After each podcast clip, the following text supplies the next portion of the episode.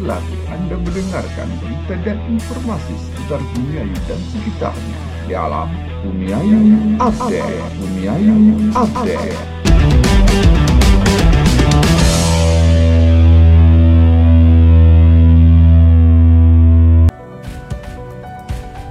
Warga desa Tambak Serang, Kecamatan Bantar Kawung, Kabupaten Brebes dihebohkan dengan cairan mirip minyak dan buat warga di Sungai Ciraja.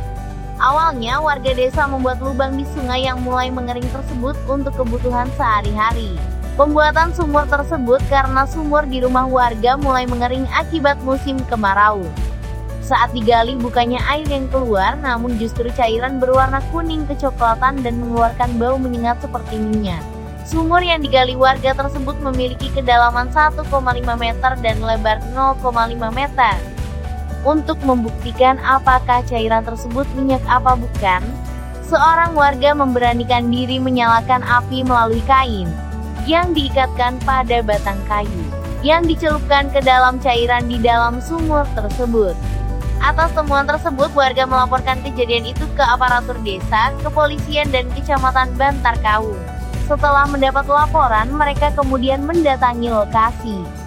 Pihak kepolisian yang datang ke lokasi kejadian langsung mengamankan sumur yang dibuat warga tersebut dengan garis polisi. Sampel cairan di dalam sumur juga telah diambil guna dikirim ke pihak terkait untuk diteliti. Kepala Desa Tambak Serang Usef Asikin menghimbau kepada warganya untuk sementara waktu tidak mengkonsumsi air di sekitar lokasi penemuan tersebut.